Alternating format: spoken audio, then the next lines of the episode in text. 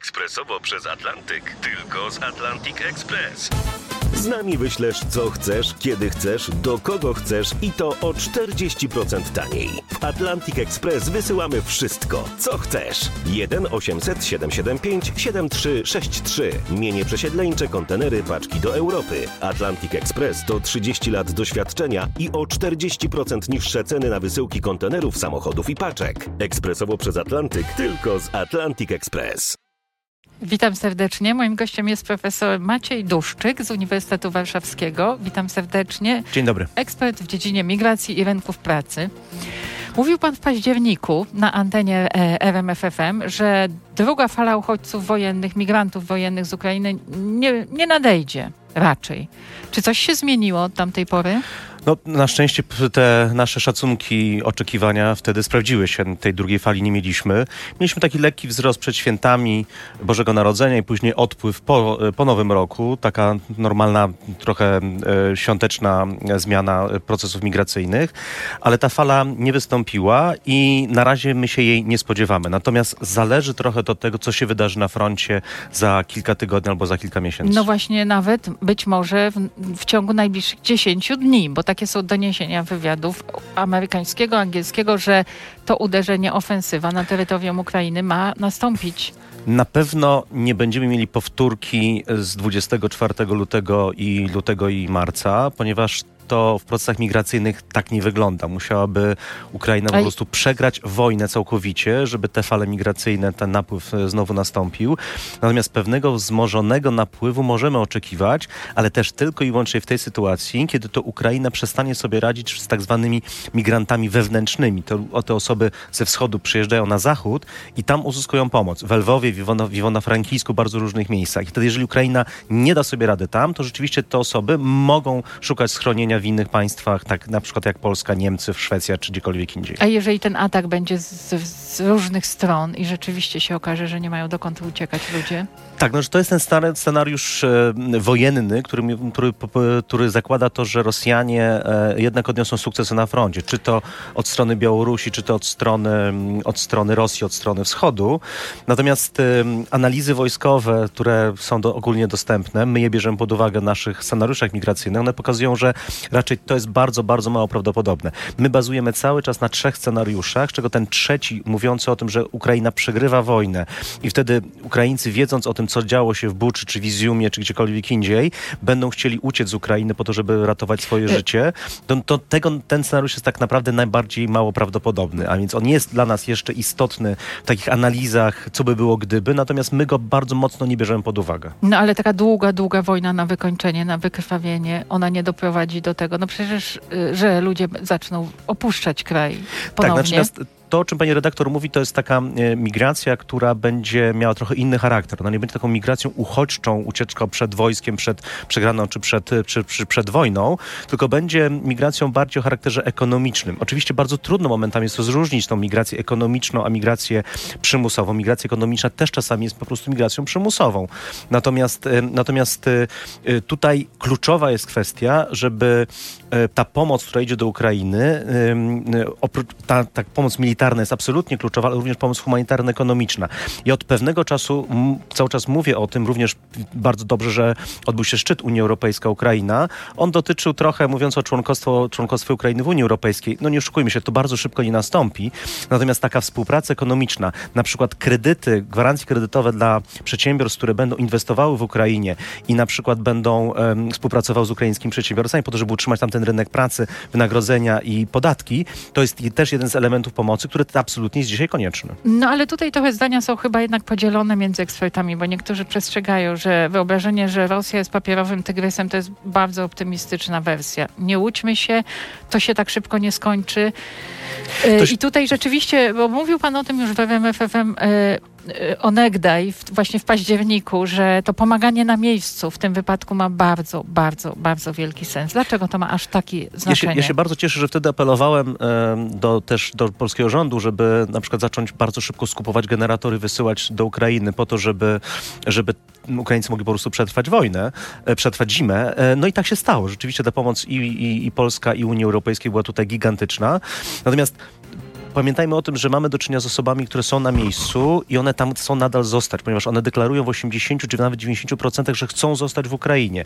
Natomiast, czyli ten impuls wypychający dla nich musi być naprawdę silny i dlatego ten, jeżeli ta pomoc będzie szła e, do Ukrainy, ale nie tylko taka pomoc humanitarna, tylko również taka pomoc na mm, e, takie ekonomiczne powiązanie z Unią. Europejską, Mhm. to wtedy, to wtedy po prostu Ukraina nie tylko wygra nie przegra militarnie, natomiast również e, utrzyma się ekonomicznie i, i bardzo dobrze. I to o jest takie trochę, długofalowe myślenie.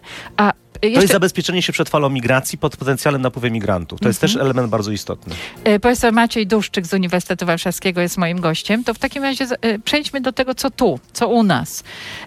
Migrantka z Ukrainy, wo, wojenna migrantka, jest kobietą, jak sama nazwa wskazuje, jest, prawda, statystycznie młodą, dosyć, wykształconą, przed 40, wykształconą i z dziećmi. Zgoda?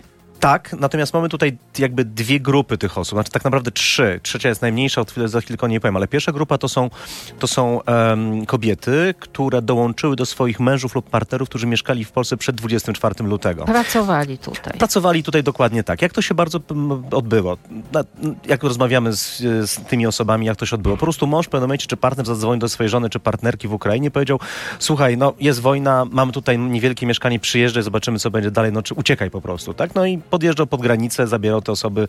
Jakby z tymi, z tą kategorią osób nie mamy problemu. Większość tych osób rzeczywiście pracuje, bo są sieci migracyjne, sieci społeczne, No tak, prawda? ale też jak jest dwoje, dwie osoby, To jest dużo łatwiej, Y. Niekoniecznie ci mężczyźni wrócili do kraju, prawda? To znaczy, trochę wróciło. Troszkę wróciło, ale nie, nie Ale aż tak nie dużo, tak prawda? dużo. I to jest też bardzo dobrze, ponieważ, ponieważ Ukraina, tak co mówiliśmy przed chwileczką, nie tylko i wyłącznie dotyczy to takiej, takiej no, że ci ludzie będą bronili e, fizycznie swojego kraju, ale również oni dostarczają pieniędzy temu kraju, żeby przeżył. Mhm. Po prostu pieniądze zarabiane w Polsce, w Niemczech czy w Szwecji, tak zwane remittances, są kierowane do do tego państwa i z tego są utrzymywane emerytury, wypłacane są pieniądze, kupowane są, skle, kupowane są jest żywność, czyli utrzymywane są sklepy, usługi i tak dalej, i tak dalej. I to jest bardzo, bardzo dobrze. My w pewnym momencie po wejściu do Unii Europejskiej, z tak zwanych remittances, czyli z transferów od Polaków pracując za granicę, za granicą, otrzymywaliśmy więcej pieniędzy niż z funduszy strukturalnych. Oczywiście to się w 2007 roku zmieniło, ale się Ukraina w trochę tej sytuacji jest. Ona będzie bardzo potrzebowała takiego wsparcia na miejscu. Od pracowników, którzy są, pracują za granicą, będą, e, będą te pieniądze transferowane do Ukrainy i żeby utrzymać to państwo ekonomiczne. Druga grupa jest trudniejsza, bo to są samotne kobiety z dziećmi, które tutaj nie mają takiego wsparcia swoich mężów czy partnerów.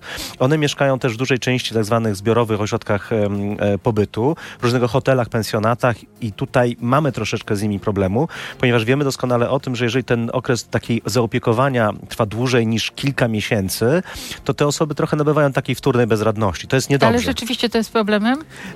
Zaczyna być problemem. Z tego powodu nawet e, jesteśmy po takich rozmowach z samorządowcami z kilku dużych miejsc, gdzie te osoby się znajdują i oni mówią o tym, no jeżeli ktoś mieszka w cztero, cztero, czterogwiazdkowym hotelu, czy nawet trzygwiazdkowym hotelu od kilku miesięcy, dostaje wyżywienie i tak dalej, i tak dalej, to, to nie jest najlepsza sytuacja. No. Nie chcę powiedzieć, że to jest standard. Nie chcę Nie, powiedzieć, że to jest nie, no standard. ale ja też bym tak robiła. To znaczy, jakbym tak miała, to bym na pewno nie szukała e, Tak, ale to zmiany. nie jest, ale to nie jest Ale optymalna to jest sytuacja. chyba nie jest y, powszechny przykład.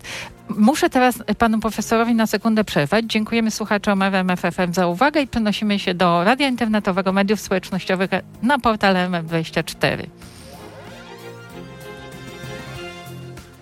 Y, A zatem y, ta grupa kobiet z dziećmi, niejednorodna, niektóre z nich tutaj y, po prostu się spotkały ze swoimi partnerami, mężami, ale inne, te, które są same, mogą mieć kłopoty na rynku pracy i mają z powodu i tutaj y, zaczęłam polemizować, czy, znaczy nie mogę z panem polemizować, bo pan jest ekspertem, ale chciałabym się dowiedzieć, czy rzeczywiście jest tak, że to dobre warunki, które Polska proponuje, sprawiają, że te osoby nie są tak y, aktywne. Znaczy, pamiętajmy też, że w tej drugiej grupie to tak naprawdę mówimy o około 100 tysiącach osób. 80-100 tysięcy osób, ta grupa liczy 300 tysięcy. A ile czy- jest w ogóle ludzi w Polsce? Około miliona dzisiaj. Miliona, około uchodźców wojennych mamy około miliona, czyli te osoby, które uciekały przed wojną bezpośrednio. Do tego trzeba dorzucić drugi milion tych osób, które była, była przed 24 e, lutego. Czyli mamy ta, ta grupa e, Ukraińców mieszkających w Polsce już co najmniej kilka miesięcy, jeżeli nie kilkanaście miesięcy, to jest około dwóch milionów osób. Ona jest też nie bardzo niejednorodna, tak jak pokazujemy sobie bardzo różne grupy. I w przypadku tych kobiet, które jest mniej więcej z dziećmi około 300 tysięcy, czyli to nie jest dominująca grupa, ale jednak ważna, y, duża, to w ich przypadku chociażby opieka nad dziećmi jest problemem, ponieważ jeżeli kobieta chce iść do pracy, no to jest pytanie, co się dzieje z trzyletnim czy pięcioletnim dzieckiem, Chyba prawda? Na przykład jak ma babcie, ale to podobnie Polki też tak mają. Absolutnie, absolutnie. E, I nie- to jest ten problem, bo... W ogóle e, społeczeństwo ukraińskie jest bardzo podobne do polskiego, tak? A więc jakby tu nie ma żadnych tak, wielkich problemów. Jeżeli, tak jak pani redaktor powiedziała, jeżeli nagle pojechalibyśmy, nie daj Boże, uciekając do innego państwa i państwo nam zaproponowało mieszkanie w trzygwiazdkowym hotelu, no to pewnie byśmy też nie, mieli, nie czuli jakiegoś silnego impulsu tego, żeby coś No ale akurat niewiele zrobić. jest takich osób, ale rzeczywiście Oczywiście. problemem jest chyba to, że kobiety, o których mówimy jako o największej grupie, to znaczy te, które jakoś y, wy, w miarę wykształcone i młode, nie mogą pracować w swoich zawodach, nie mogą jakby żyć tak, jakby żyły w Ukrainie, i wykonują zawody poniżej swoich możliwości, takie proste zawody. No nie mówię, że y, y, ci- ciężka praca fizyczna, ale kelnerka, czy właśnie mm, jakaś w- recepcji osoba. To jest taka praca, którą bardzo często się widuje dziewczyny, babki, koleżanki, siostry nasze Ukrainki. Tak, ponieważ to trochę wynika z zapotrzebowania polskiego rynku pracy. I teraz my, e, my oferty pracy, które są na przykład w Warszawie, w Krakowie czy w innych miejscach, one dotyczą na przykład budownictwa albo na przykład pracowników w magazynie itd., itd. I to jest jakby prace, które jednak ze względu na fizyczny charakter są predysponowane dla mężczyzn. I kobiety bardzo trudno się tam odnajdują. Aczkolwiek na przykład jesteśmy po takim do, dobrym spotkaniu w tamtym tygodniu, które było organizowane przez jedną z firm meblowych, która ma taki bardzo silny, e, taki silny produkt takiego odpowiedzialności biznesu. I tam jeden z osób, która zajmuje się rekrutacją pracowników, powiedział o tym, że oni zaproponowali kilkudziesięciu Ukrainkom po to, żeby się, e, żeby nauczyły się jeździć na, wisk, na wózkach widłowych, żeby w tym magazynie mogły pracować i się to, e, 80% z nich się zgodziło i jest dzisiaj pracownikami, wszystko to funkcjonuje. Tylko, że to nie jest znów ta skala, o której sobie mówimy. Takie przykłady mogą być, ale czy one są reprezentatywne dla całości? Na pewno, na pewno nie. Czyli troszkę tu jest kwestia, jakie oferty pracy są tutaj kierowane. Z drugiej strony musimy pamiętać o tym, że i to jest nasze doświadczenie jako osób zajmujących się migracjami, w tego typu sytuacjach raczej zawsze dochodzi do zmniejszenia oczekiwań co do miejsca pracy. No I teraz ja, ja znów taki podam bardzo dobry przykład, który mi, który mi przyszedł do głowy y, z naszych badań, taki case study, czy taki studium przypadku. Otóż jest architektka z Ukrainy, która przyjechała tutaj z pięcioletnią córką i ona dzisiaj pracuje na kasie w jednej z sieci handlowych. E, I nasze rozmowy mówią o tym, ale dlaczego? Mówi, ja to traktuję jako okres przejściowy, żeby się nauczyć dobrze języka, w tym czasie nostryfikować swoje dyplomy z Ukrainy, bo ja już chyba tutaj zostanę, prawda? Bo mój mąż niestety e, e, zostawił nas w Ukrainie, prawda? I ja już tutaj nie mam specjalnie do czego wracać, zostaję, zostaję tutaj, ale chcę pracować jako architektka i traktuję tą, tą pracę jako takie, powiedzmy, przygotowanie się do tego, do tego wejścia na rynek I pracy. to jest reprezentatywne. To jest reprezentatywne w dłuższym okresie. Otóż tak naprawdę w pierwszym, czy drugim, czy trzecim roku tak sytuacje nie są zbyt częste. Powiem więcej, w pierwszym pokoleniu nie są zbyt częste, ale jednak w tym drugim pokoleniu w tym momencie już mamy do czynienia z dużo lepszą sytuacją, ponieważ mamy do czynienia już z elementami bardzo mocno integracyjnymi, chociażby do, do znajomości języka. Natomiast to, co jest ważne, i tak, i tak w przypadku um, uchodźczyń wojennych z Ukrainy 20% z nich pracuje w swoich zawodach.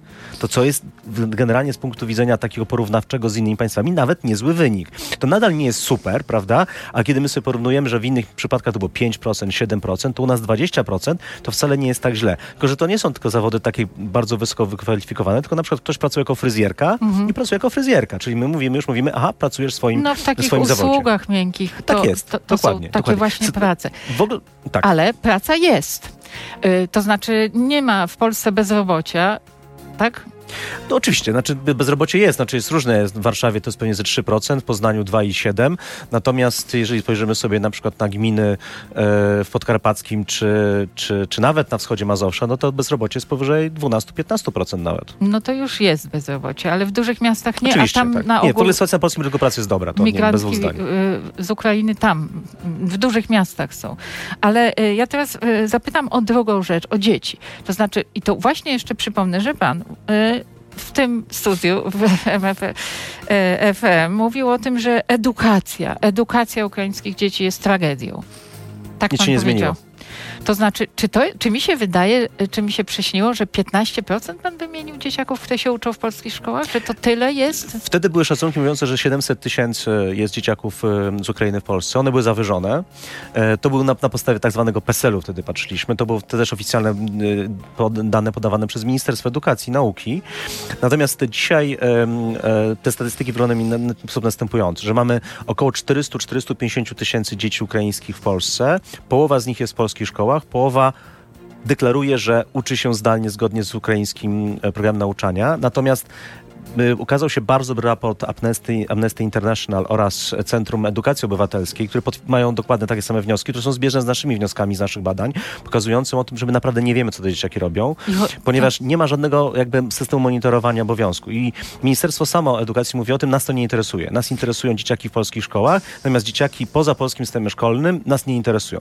To nie jest fair. To nie Mówimy jest fair. Dzieciaki, o- y, y, ale no właśnie, minister Czarnek zarządził, że mają się dzieci ukraińskie uczyć wszystkiego po polsku i po polsku zdawać egzaminy i tak dalej. I to jest ogromna bariera.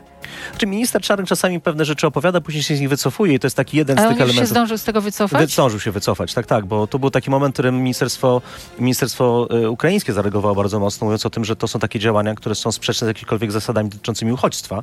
E, To jest w ogóle problem, ponieważ w polskim rządzie, poza tym malutkim departamentem w kancelarii premiera, który jest pod minister ściga, nie ma nikogo, Mhm. co zajmuje się, zajmuje się integracją.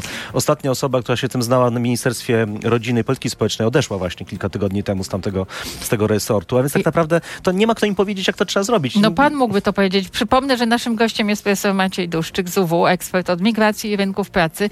Yy, czyli to nie jest aż tak tragicznie, jak, ja- jak myślałam, że yy, dzieci muszą podchodzić do egzaminów po polsku i wszystko po polsku jest Znaczy, sprawdzane. jeżeli, jeżeli są w polskim systemie szkolnym, to oczywiście, że tak, prawda? Znaczy, z, jednym z takich postulatów właśnie w, w tym raporcie Amnesty International, z którym ja się pełni zgadzam, mówiąc o tym, że jeżeli ktoś e, jakby nie zatrzymywać kogoś koniecznie w ósmej klasie z tego powodu, że nie zda tego egzaminu ósmoklasisty, który nie jest obowiązkowy, prawda? Ale jakby, no tu jest, to, to mamy problem. Znaczy, te dzieciaki nie mają równych szans z dziećmi polskimi, prawda? Więc trzeba tutaj w pewien sposób e, nałożyć do nich pewnego rodzaju inny filtr, który umożliwi, nie, nie zatrzyma ich, znaczy nie zniechęci ich do edukacji i nie będzie powodował to, że zafundujemy sobie w jakiejś perspektywie grono nastolatków, które będzie sfrustrowane, będzie z różnymi, narażone na różnego rodzaju patologie, związanymi jeszcze z trudnością akceptacji, ak- takiej aklimatyzacji w Polsce, ale również akceptacji ze względu na swoje postawy I chociażby lęk, społeczne. i- i depresja, do tego, i do tego docho- dochodzą wszystkie kwestie dotyczące e, zdrowia psychicznego i mamy, możemy zafundować sobie problem. My, my mówimy od kilku miesięcy, jak można to rozwiązać.